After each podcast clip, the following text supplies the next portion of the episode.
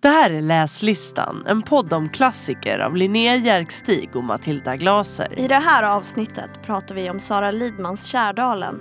En roman om kollektivets solidaritet och skuld på västerbottniska. Trots få miljöbeskrivningar sugs vi in i livet i en liten by där alla lägger sig i varandras liv. Och måste alltid en katt dö i en Norrlandsskildring? Hej och välkomna till Läslistan. Hej hej. Och hej Linnea. Hej Matilda. Vad har vi läst idag Linnea? Idag har vi läst Kärdalen av Sara Lidman. Och vad handlar den om? Den handlar om en liten by i Västerbotten som heter Ekträsk. Och i den byn står en kärdal i centrum. Det är den som genererar alla pengar i byn och eh, det är liksom folks levebröd. De lever på den här kärdalen. Men plötsligt sker ett vad ska vi säga, ett illdåd Ja. som leder till konflikt i hela den här byn. Och då kan man säga att det är en karaktär som står i centrum som heter Petrus. Och hans mål genom hela den här by, by, boken är att försöka driva igenom någon form av högre moral än vad det råder i byn. Ja, Råder i byn. precis. Genom att ställa frågor, vad är rätt, vad är fel, vad ska vi göra, hur ska vi hantera det här som har skett. Just det. Och den här boken, när utspelar den sig egentligen? Den utspelar sig på 30-talet under en midsommarvecka. Ja, precis. Det är fyra, fem dagar som vi får följa flera olika karaktärer i byn. Som på olika sätt eh, dras in i eh, den här händelseutvecklingen med det här eh, illdådet vid eh, Kärdalen. Exakt. Ehm, och eh, ja, vad, hade du för relation till eh, Sara Lidman som ju är författaren här eh, och den här boken innan? Jag hade faktiskt ingen relation eh, vare sig till den här boken eller till Sara Lidman mer än att vi råkar komma från samma län. Så det är ändå en person som man har haft väldigt nära. Mm. Även om jag inte har läst någon av hennes böcker tidigare. Vad hade du för relation? Jag ingen alls ska jag ärligt säga. Ehm, jag kände till Sara Lidman men jag kände inte till den här boken överhuvudtaget. Så att, eh, och hade inte heller läst någonting av Sara Lidman innan även om jag liksom vagt kände till vem hon, vem hon var. Liksom. Så att eh, jag gick in med helt eh, öppna ögon. Ja. Jag känner också att vi skulle behöva reda ut en väldigt viktig sak. Det är nämligen flera personer som har frågat mig sen vi spelade in eh, eh, Jonna Kippo avsnittet. Ja. För där pratar ju du lite grann om att du kommer från ett, ett litet samhälle i Västerbotten. ja. Men du säger aldrig vilket. Okej, jag Så det är flera personer som har frågat mig så här, men var kommer hon ifrån? Jag väntade hela avsnittet. Det har varit lite en cliffhanger i några Precis. avsnitt. Nej men jag kommer från Vilhelmina. Så det ligger ju inte allt för långt från eh, vad, vad heter det, Missanträsk där Just Sara. Lidman kommer ifrån. Det ligger liksom i norra Västerbotten och jag bor väl lite mer i mitten av, eller kommer lite mer i mitten av Västerbotten. Hur, eh, hur kän- känner du av det på något vis? Eh, jag ställde samma fråga när det gällde Jonna Kippo-böckerna och där är det ju skillnad för de utspelar sig ju i vår samtid. Mm. Det här utspelar sig på 30-talet. Det går ju inte att jämföra eh, kanske riktigt eh, hur Vilhelmina till exempel är idag jämfört med vad som skildras i den här boken. Men känner du någon typ av liksom, koppling till eh, den här bygden när du läser? Eh, ja, det gör jag absolut. På flera sätt. Men kanske främst den här känslan av att eh, det är kollektivet som står i centrum. Och på något sätt, alltså nu kommer inte jag från en jordbrukarfamilj, Nej. men ändå att den här känslan av att man tycker inte om varandra, men samtidigt älskar man varandra. Ja. Och man vill inte vara med varandra, men man måste stå ut med varandra. Och ibland vill man vara med varandra. Att det är väldigt Ja, eh, konstig relation på det sättet. Och att man alltid behöver varandra på ett annat sätt än vad man kanske behöver här i. Stockholm. Verkligen. Ja men verkligen, det är ju mycket det den här boken handlar om. Eller det är väl i alla fall ett eh, väldigt grundläggande tema i den här boken. Kollektivet. Mm. Och som du beskriver delvis liksom kollektivet som men liksom motsats till det individualistiska och det, det kollektiva beroendet, hur man arbetar tillsammans, hur man hur hela samhället liksom är ett kollektiv. Men det är också liksom det kollektiva eh, ansvaret. Mm. Det, det är ju verkligen ett tema som eh, den här boken kommer att handla väldigt mycket om. Eh, Men det är ett genomgripande tema i, genom hela romanen. ja, Eh, men också liksom, vad har man för skyldigheter gentemot varandra mm, och vem bär ansvar för vad. Jag kan läsa bara ett kort citat av en, en karaktär säger så här och jag tycker att det är väldigt talande. Eh, vi får aldrig bli så fattiga att vi inte har råd att låta en odugling leva bland oss. ja, Och jag tycker att det säger väldigt mycket om att leva i våran samtid egentligen. För Mm. oavsett var vi bor så bor vi ju med andra människor oftast. ja. Och då måste vi ju på något sätt ta ansvar för varandra. Även om man ofta ser till sig själv. Ja precis, för det där blir ju mycket mer påtagligt i ett sånt här litet samhälle. I, eh, i ett större samhälle så, så behöver man ju inte det. Då kan man ju, alltså rent krasst, eh, sen kan man ju ha en massa olika åsikter om hur det ska vara och hur det borde vara. Men i ett, eh, i ett större samhälle och i ett modernt samhälle och i ett eh, välfärdssamhälle kan man väl säga i någon mån. Så kan man ju eh, vända bort blicken Exakt. från odugligen, eller- oduglingen eller vad det var Sara Lidman kallade Ja, det. Ehm, och tänka att det där är inte mitt problem. Exakt. Och en sak som jag tycker hon har fångat väldigt bra är just det här med att alla karaktärer snackar väldigt mycket skit om varandra. verkligen. Man bryr sig in i minsta detalj om vad andra gör. Om Ja. de har köpt något nytt eller om de har skulder eller Ja. har en ful klädstil. Eller jag vet inte Ja. vad det kan vara. Men man bryr sig väldigt, väldigt mycket. Just det. Och den här boken är uppbyggd så att eh, perspektiven skiftar hela tiden. Mm. Så exempelvis Petrus, som man skulle kunna säga är någon form av huvudperson. Det finns många huvudpersoner, men Ja. han skulle man kunna säga är en av dem. Han presenteras ju inte som en huvudperson i början. Utan vi får möta honom genom att en karaktär som heter Agda snackar skit om honom. Ja men precis. Och han kommer ju inte ens in förrän liksom, ett antal kapitel in i boken som Exakt. vi överhuvudtaget får träffa honom. För innan dess har det handlat om helt andra karaktärer i den här byn som man ju då tror ska vara huvudperson, eller tänkte i alla fall jag. Mm. Ehm, Man tänker att Agda och Mm. Nils, exakt. och det är Nils som äger den här Kärdalen, Precis. att det är de som står i centrum. Jag tänker mycket när man läst, eh, det är en bok som jag hoppas att vi ska kunna prata om någon gång, eh, Selma Lagerlöfs Jerusalem. Mm. Och den handlar ju mycket om att de håller på med eh, eh, sådana här kolminor, Ja. tror jag det heter. Kolmila. Va? Kol, förlåt, kolmila. Eh, så heter det ju såklart. De håller på mycket med kolmilor i den boken.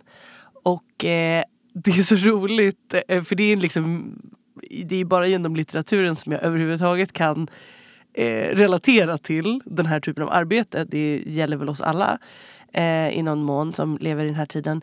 Och då är det så roligt att det väldigt tidigt i den här boken påpekas, tror jag, av Nils då, som jobbar med den här Kärdalen. Mm. Att den här kolmilan som vi genom andra böcker har fått liksom förstå hur den här tiden då den ska brännas, det är så otroligt avgörande dygn då allting kan gå fel. Man har byggt upp det här så länge. Och en av de första sakerna som Nils säger eller reflekterar kring i den här boken är det är ingenting jämfört med hur kritiskt det är med en kärdal. Nej. Och också hur lång tid man har för han har ju byggt upp den här kärdalen hela året. Ja.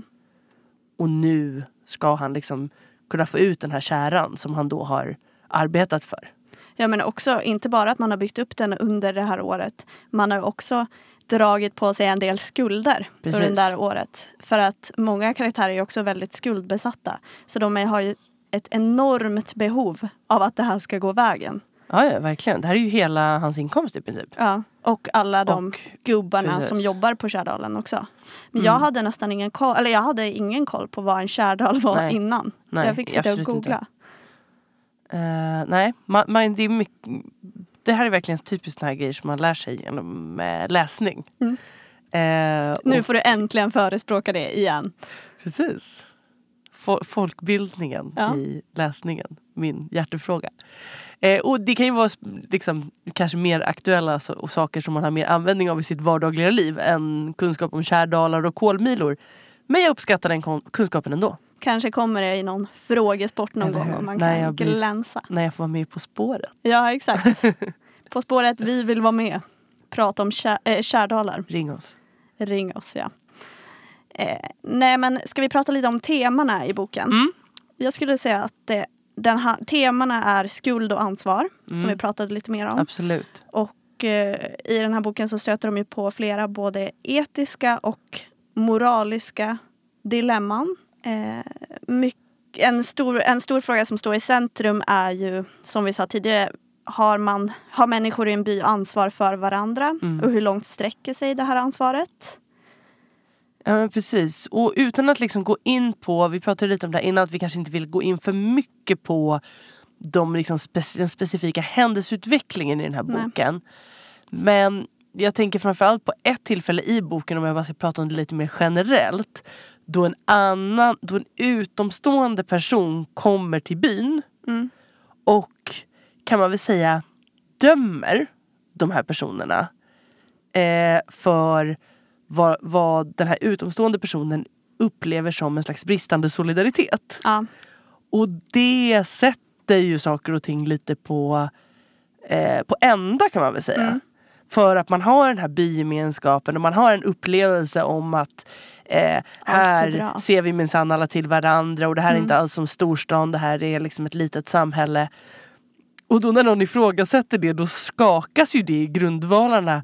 Och sen kan man ju såklart som läsare göra olika tolkningar av vad eh, de här karaktärerna borde ha gjort om de har varit osolidariska eller Mm. inte. Men det finns ju i alla fall ett moraliskt dilemma i deras agerande. ja men verkligen. Dels gällande den här händelsen då som vi inte vill gå in så nära på. Men också är det mycket moral eh, där man hela tiden får lite eh, frågor och tankeställare om vad innebär det att bo i en by? Mm. Bara det. Eller vad innebär det att bo med andra människor? Precis. Eh, nej men också, du säger att det finns en person som kommer in i byn och ser det här med andra ögon. Det finns ju också en person i byn som har lite andra ögon Ja, än de andra. För han är ju ganska kritisk. ja, Eh, även om han själv inte gör allting rätt. ja, Och det är ju Petrus då som precis. På något sätt ska symbolisera den goda människan. Ja men precis och han är ju lite så här voice of reason i olika sammanhang. Mm. De andra är väldigt väldigt upptagna med sitt eget kan man väl säga. Ja. Eh, och det är av goda skäl såklart också för de har en massa barn och de försöker eh, få vardagen att gå runt och liksom försörja sig helt enkelt. Vilket han också gör Vilket han också gör. Men han är lite mer Eh, och det har väl att göra med att han är en person som ju beskrivs som att han eh, har drömt kanske om att kunna lämna den här byn och göra Mm. någonting annat med sitt liv. Och just det kanske också då är det som gör att han ser på saker och ting lite utifrån. Medan Nej, alla andra har ett väldigt inifrån perspektiv på... Och sen beskrivs han ju Allting. också lite som en outsider. Ja, han precis. beskrivs ju som någon som gillar att tänka och läsa. Och han är den enda i byn som har en bokhylla. Typ. Just det. Så de tycker ju att han är lite konstig och lite, att han tror att han är lite mer än vad han är. Ja, Så de precis. gillar ju också att sätta honom på plats. Lite överlägsen. Exakt. Ja. Men vad tyckte du om själva byn eller skildringen av byn? Alltså den är ju ganska rolig. Mm. Det är ju, jag vet inte, vi har inte sagt det som egentligen är en ganska avgörande del av den här boken. Att den är skriven på dialekt. Ja, Att eh, eh, den är liksom skriven och nu är jag inte eh, Fredrik Lindström och eh, eh, inte heller från Västerbotten som vissa andra.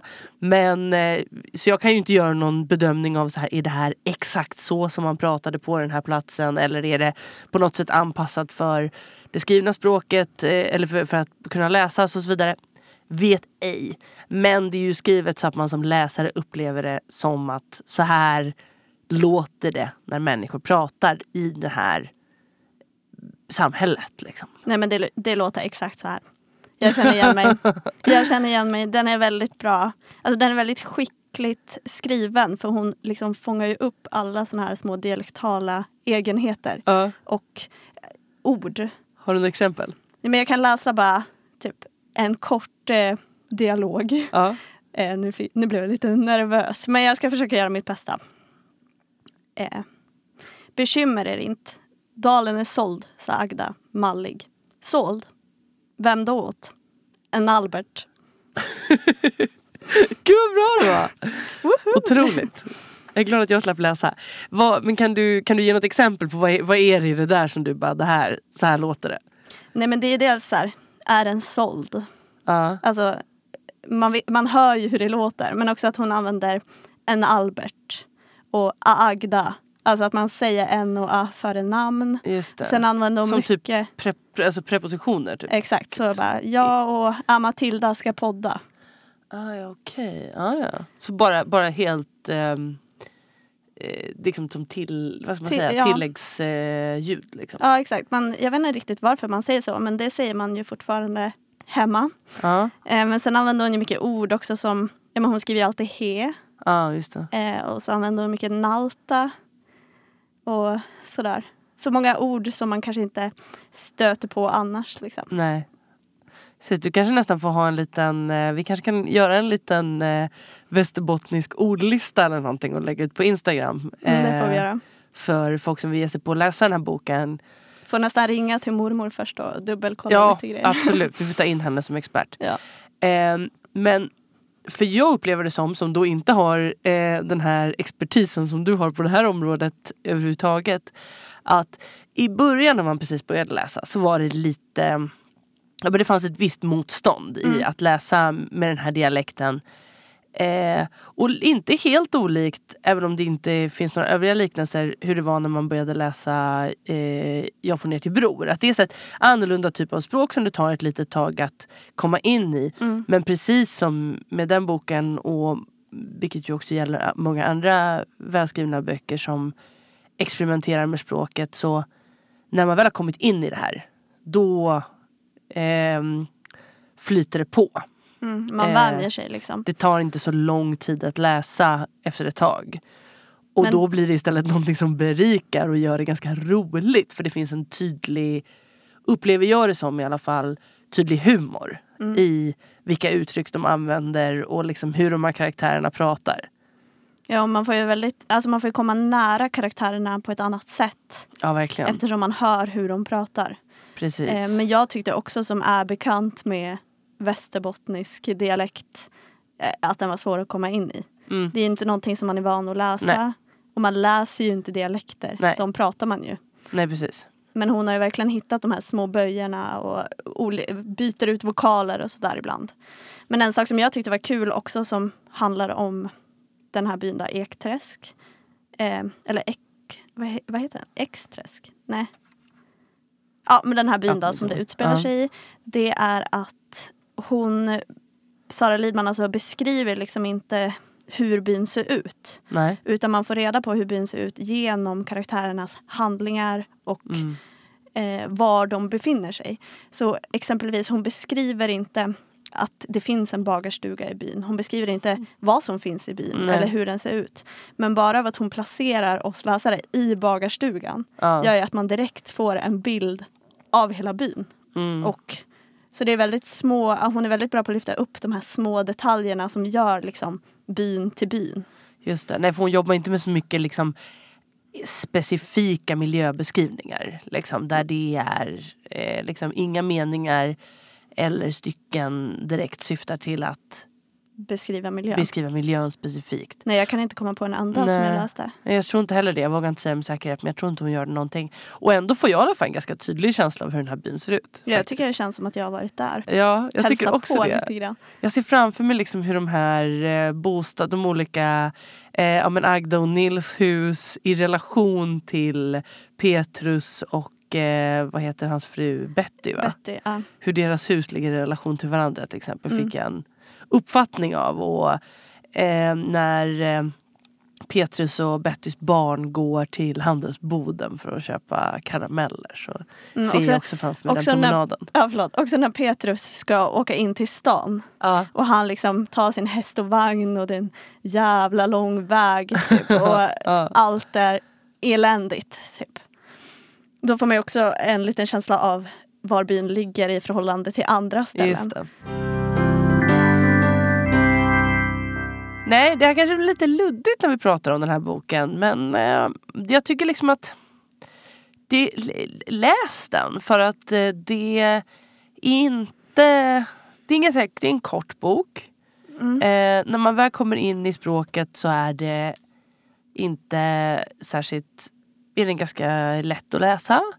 Rolig, det är liksom inte en, det är inte en tung bok. Som man, eh, ju några böcker, ja, men om vi ska ta Älskade som exempel eller eh, ja, flera andra böcker som vi har läst faktiskt som man liksom ja, in, in, det är inte feelgood om man säger så. Mm. Den här boken gör inte det med den som läsare som älskade gör eh, upplever jag det som. Eller vad känner du? Ja, både ja och nej. Alltså jag tycker typ att den här boken har flera olika lager Mm. som gör att man liksom kan fundera på den ganska långt efteråt. Absolut. Men man blir ju inte, man blir ju inte deprimerad Nej, av att det, läsa den om det man blir säger så. inte. Och man blir inte helt förstörd Nej. som vi älskade. På samma vis. Men jag kan säga en sak, alltså det är mycket symbolik i den här boken. Mm. Dels är det mycket religiöst. Mm. Typ eh, men Petrus. Som man kanske skulle kunna likna lite vid Judas och sådär. Eh, men också så är ju religionen de här karaktärerna väldigt nära. Ja. Den tar ju väldigt stor plats som den ofta gör i en by. Men en annan symbolik som jag fullkomligt älskade. Mhm. Det är dels att de har så mycket djur i boken. Typ Jonas som är inblandad i det här illdådet. Kallas Mm. Räven. Just det. Och det säger väldigt mycket om honom. Hur att hela liksom, kollektivet kallar honom Mm. för Räven. Han är lömsk och listig och Ja. Ja. Ett rovdjur någonstans rovdjur, också. ja. Liksom. Mm. Men sen finns det också mycket symbolik med eh, en katt som Just bor det. hos Petrus och Betty. Mm. Och den här katten är ju, den genomsyrar ju hela boken men de återkommer till den hela Ja. tiden. Eh, och då så finns det ett ställe där han liknar sig själv väldigt mycket med en liten råtta Ja. som blir attackerad och uppäten av den här katten. Och då blir det liksom en symbol för ja, men kollektivet och byn. Mm. Och där han på något sätt blir den här lilla råttan. Ja, han Eller- reagerar ju så starkt på den där katten för att han upplever att den, ja, eller identifierar sig med dens offer. Liksom. Exakt. Och att han ide- identifierar katten så starkt med en karaktär som heter Gustav. Som är liksom rovdjuret i det här grabb, gubbgänget som jobbar åt Kärdalen. ja. Kan man väl säga. Ja, precis. Och men apropå symbolik så tänker jag också lite på det där med just den här eh, som vi pratade om innan, ut, när det kommer in utomstående och börjar liksom skärskåda. Jag tänker som du sa att den utspelar sig på 30-talet. Mm. Jag tänker att det här måste ju vara en sån speciell tid där Sverige verkligen redan i hög utsträckning har gått men kommer fortsätta röra sig från det här bysamhället till alltså hela urbaniseringen, industrialiseringen och så vidare.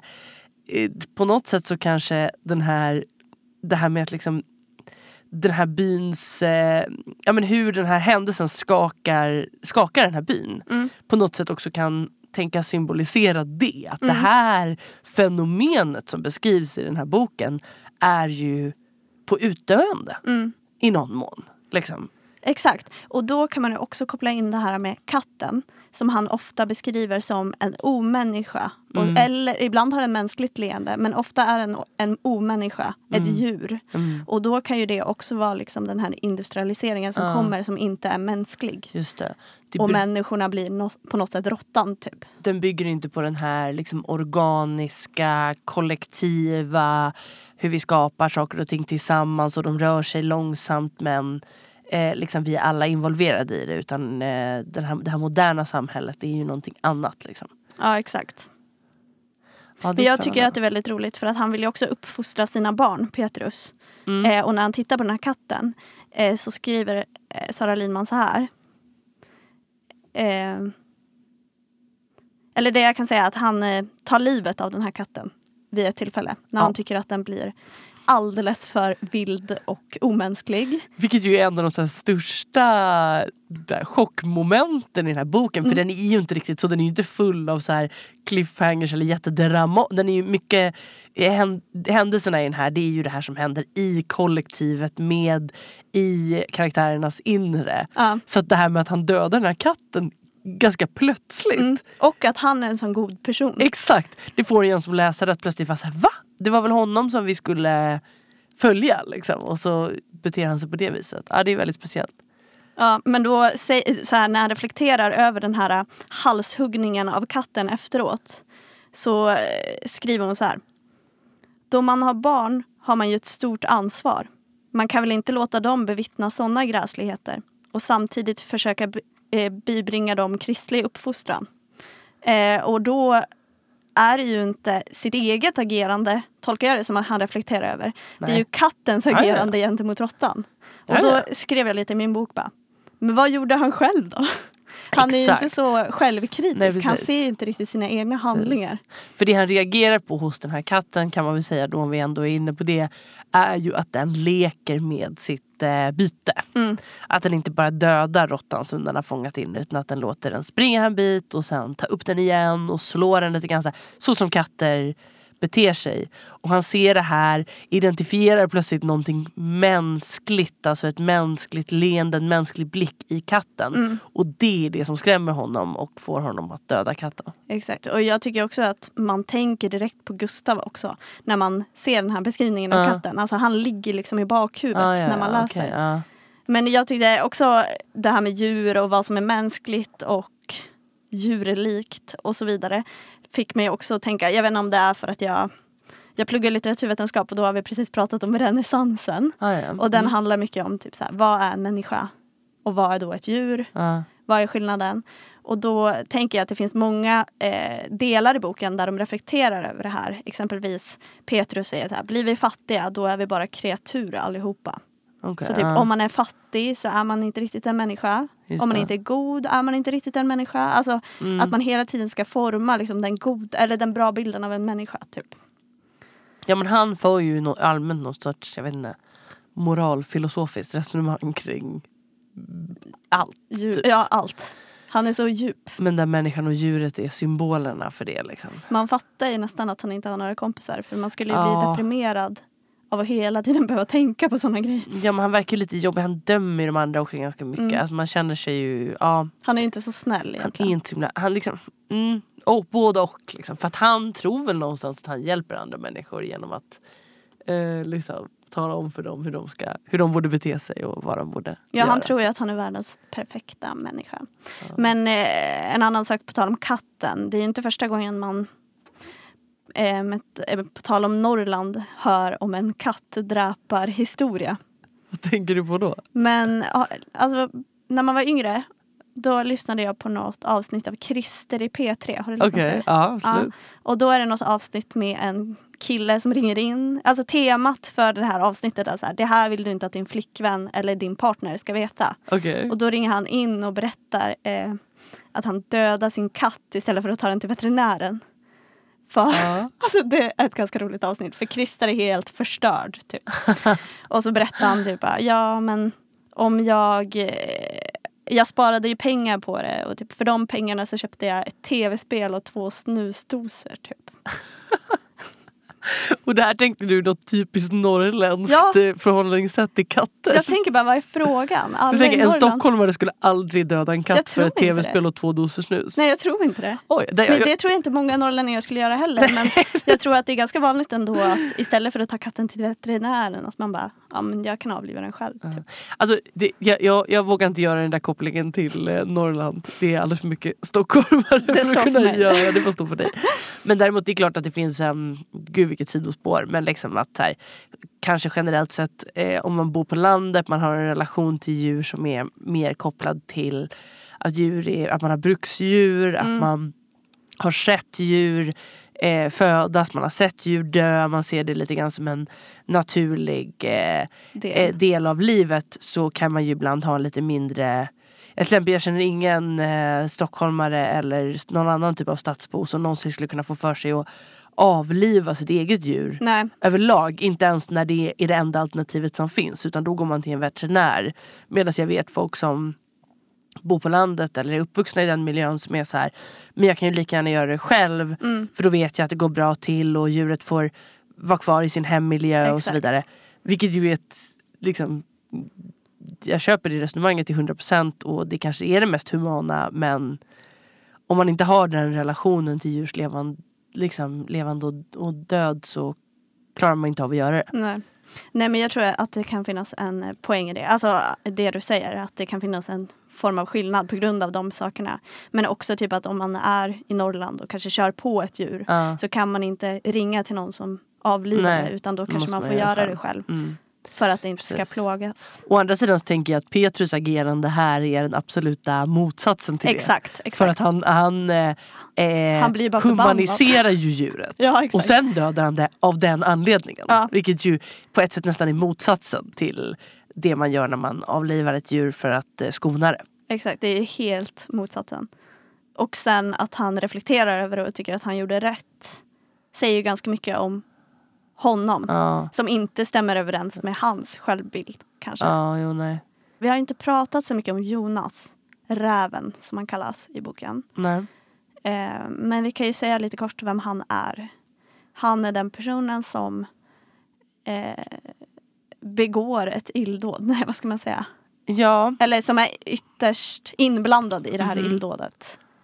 och han är väl också, du pratade ju om innan, liksom ett, ett, läste ett allmänt citat om det här med att, att varje liksom, samhälle måste kunna ha en odugling.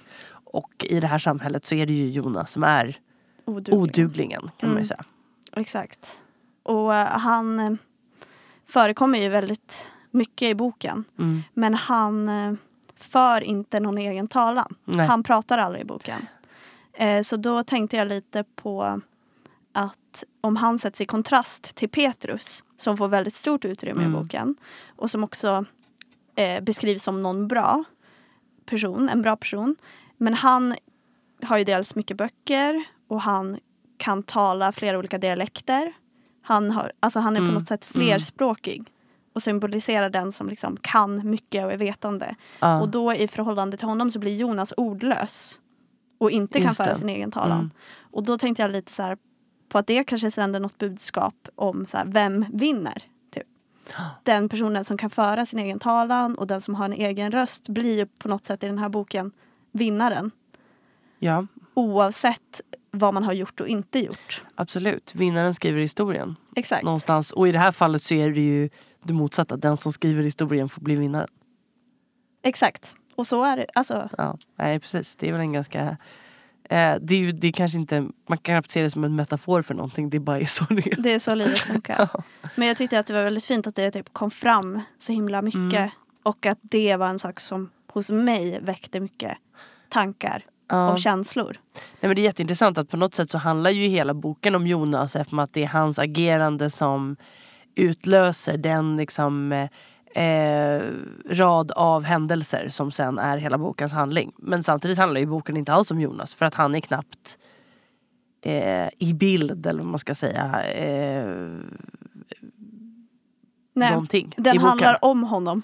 Exakt. Men han får inte liksom Nej, tala han, är ju själv. inte, han är ju inte ens i rummet liksom, när, Nej. när handlingen utspelar sig egentligen. Nästan Nej. någonting. Nej, exakt. Men skulle du rekommendera den här boken till någon annan? Jo men jag var inne på det lite innan. Alltså jo absolut. Eh, jag, jag tycker att jag håller med dig om att den väcker mycket tankar. Det gör den. Den har inte, absolut inte den boken som har lämnat störst avtryck i mig eh, den senaste tiden. Men jag tycker att det är en ganska rolig bok. Mm.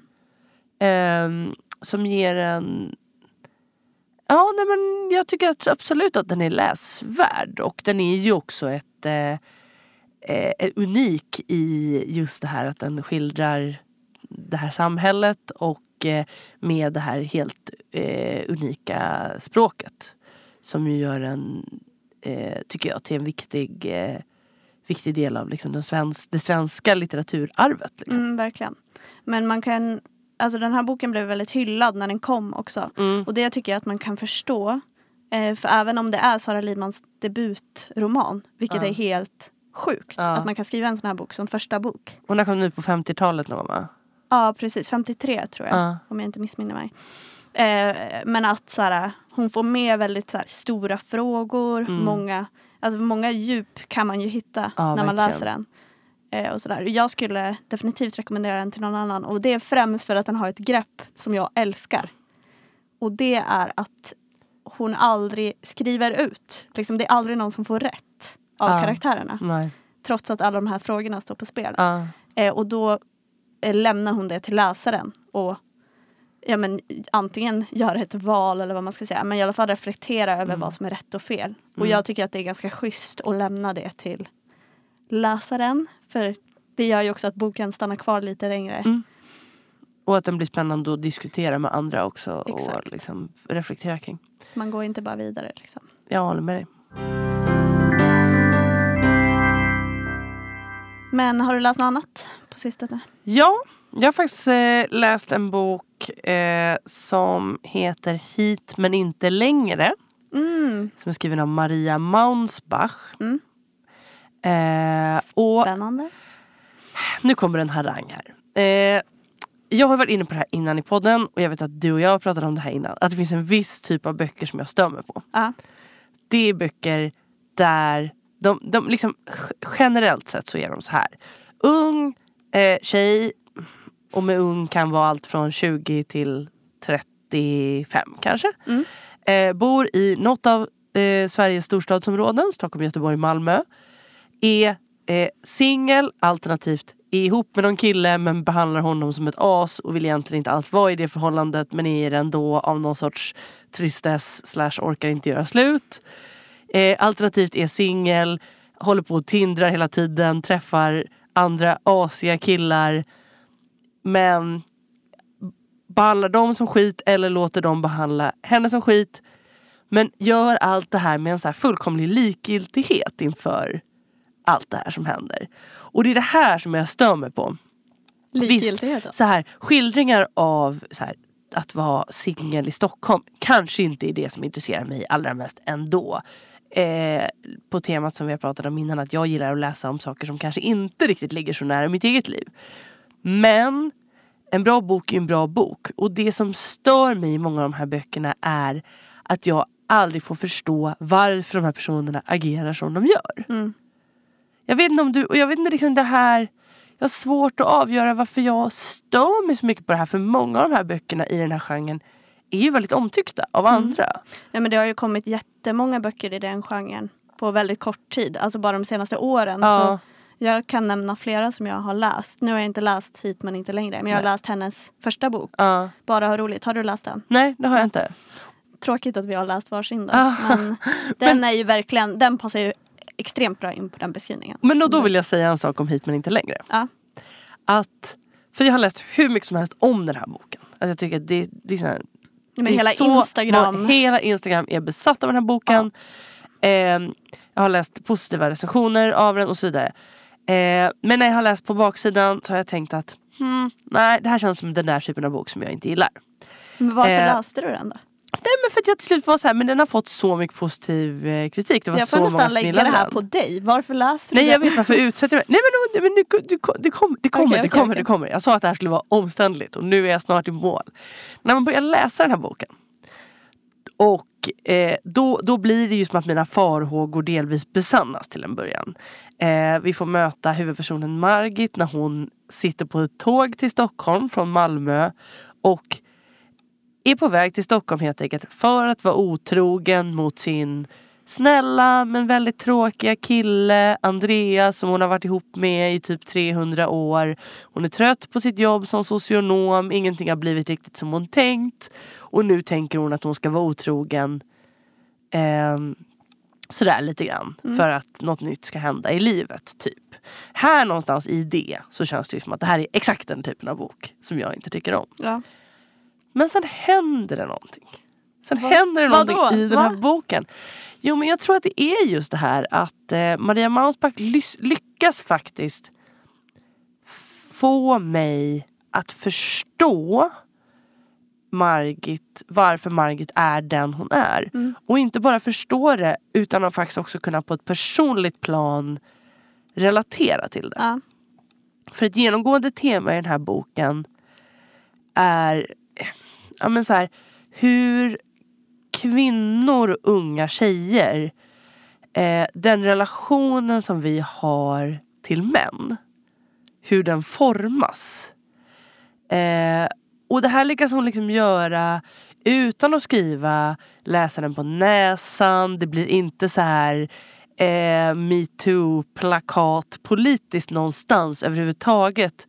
för hon moraliserar inte direkt kring det utan men liksom att man förstår att Margit är en produkt av det här Av sin tid. tja- eller? tjatsexsamhället. Samhället av eh, det är ju enklast om jag går med på det här fast jag inte är så sugen längre för jag har ju trots allt gått hem med den här killen och han kanske blir sur annars. Eh, samhället av att bli kallad fitta när man ifrågasätter en kille. Alltså, alla de här olika grejerna som jag tror att så här, de flesta i någon mån kan relatera till Mm. som eh, att ha Ung under sin uppväxt eller liksom som ung kvinna. Okej, men så du tycker ändå att den blev bra för att den fångade liksom eh, Ja. hennes bakgrund kan man säga. Eller så här, Ja, varför hon hamnade den, i den den situationen. ger ju varför, varför är det relevant för mig och, och, och, och liksom varför ska jag varför ska jag som läsare stå ut med att lyssna på en person som just sådär lever i ett förhållande som uppenbarligen borde ha tagit slut för fyra år sedan Mm. och ändå bara fortsätter. Varför ska jag liksom lägga min tid på det? Jo men det gör jag om det ger mig någonting Ett mervärde. Typ. Exakt, exakt. Och det gör det i den här boken. Men det kan jag också, jag tycker att du fångar, eller sätter ord på någonting som känns väldigt angeläget idag.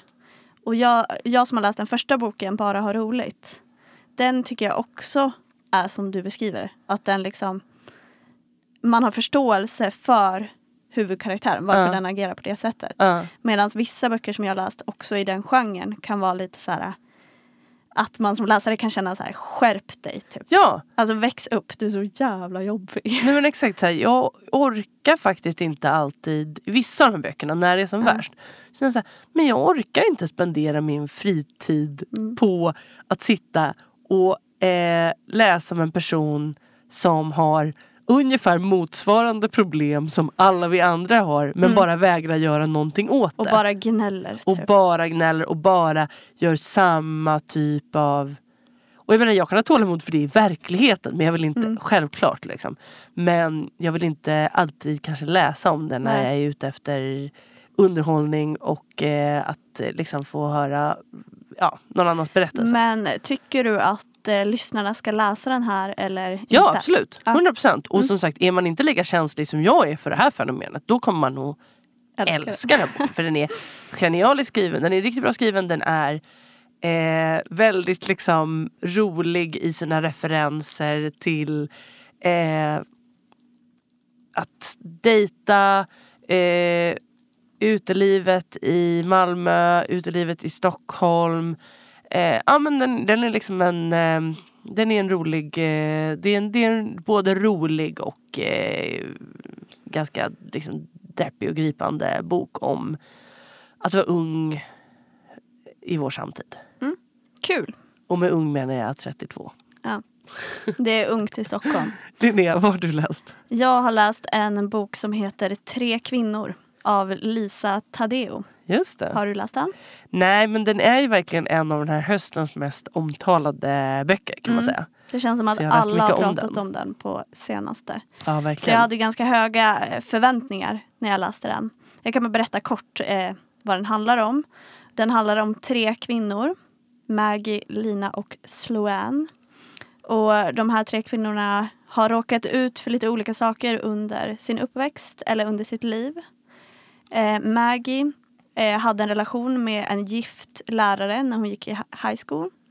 Och då handlar den här boken om, eller i hennes fall så handlar den om hur hon ska hantera det. Det blir någon form av rättegång och rättsprocess som hon måste gå igenom som vuxen. Mm. Eh, och Lina eh, är en skild kvinna men som har återupptagit någon form av kärleksrelation som hon hade med en kille när hon var ung.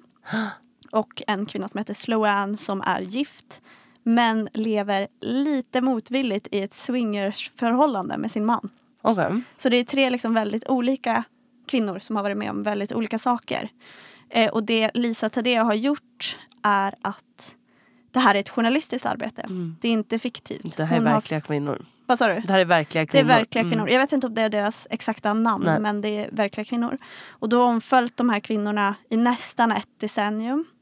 Hon har intervjuat deras vänner och släktingar och dem såklart. Hon har följt dem i sociala medier. Hon har till och med fått läsa dagböcker och brev från de här Mm. kvinnorna. Så det har varit väldigt intimt inhämtningsarbete kan man säga. Ja, Och det är det- ett spännande arbete liksom. Att ja, det göra måste ha så varit jättekul.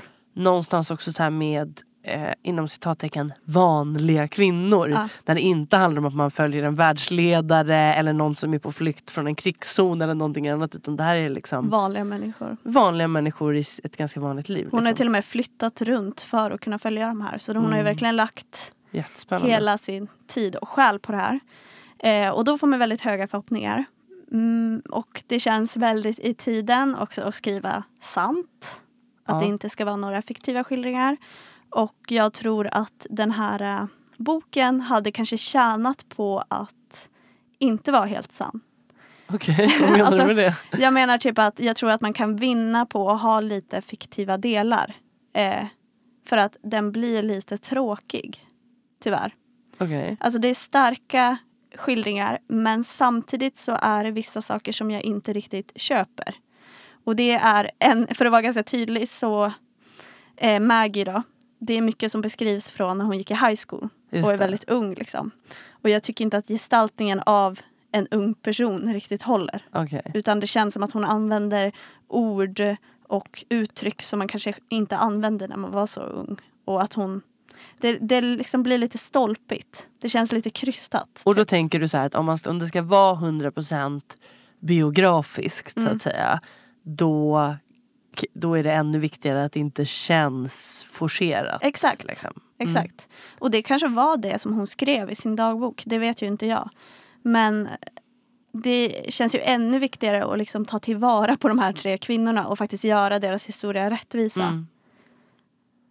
Eh, och sen en sak som jag också inte riktigt köper. Det är typ att Lisa Taddeo vill att det här ska vara en allmängiltig berättelse om kvinnor. Okej. Men de alla tre har ju varit med om saker som de flesta kvinnor inte är med om. Ja.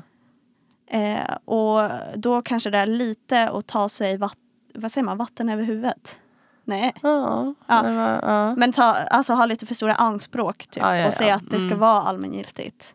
Utan det som är allmängiltigt, som jag i och för sig tycker att hon har fångat väldigt bra, det är eh, hur man som kvinna alltid lever i relation till en man. Just det.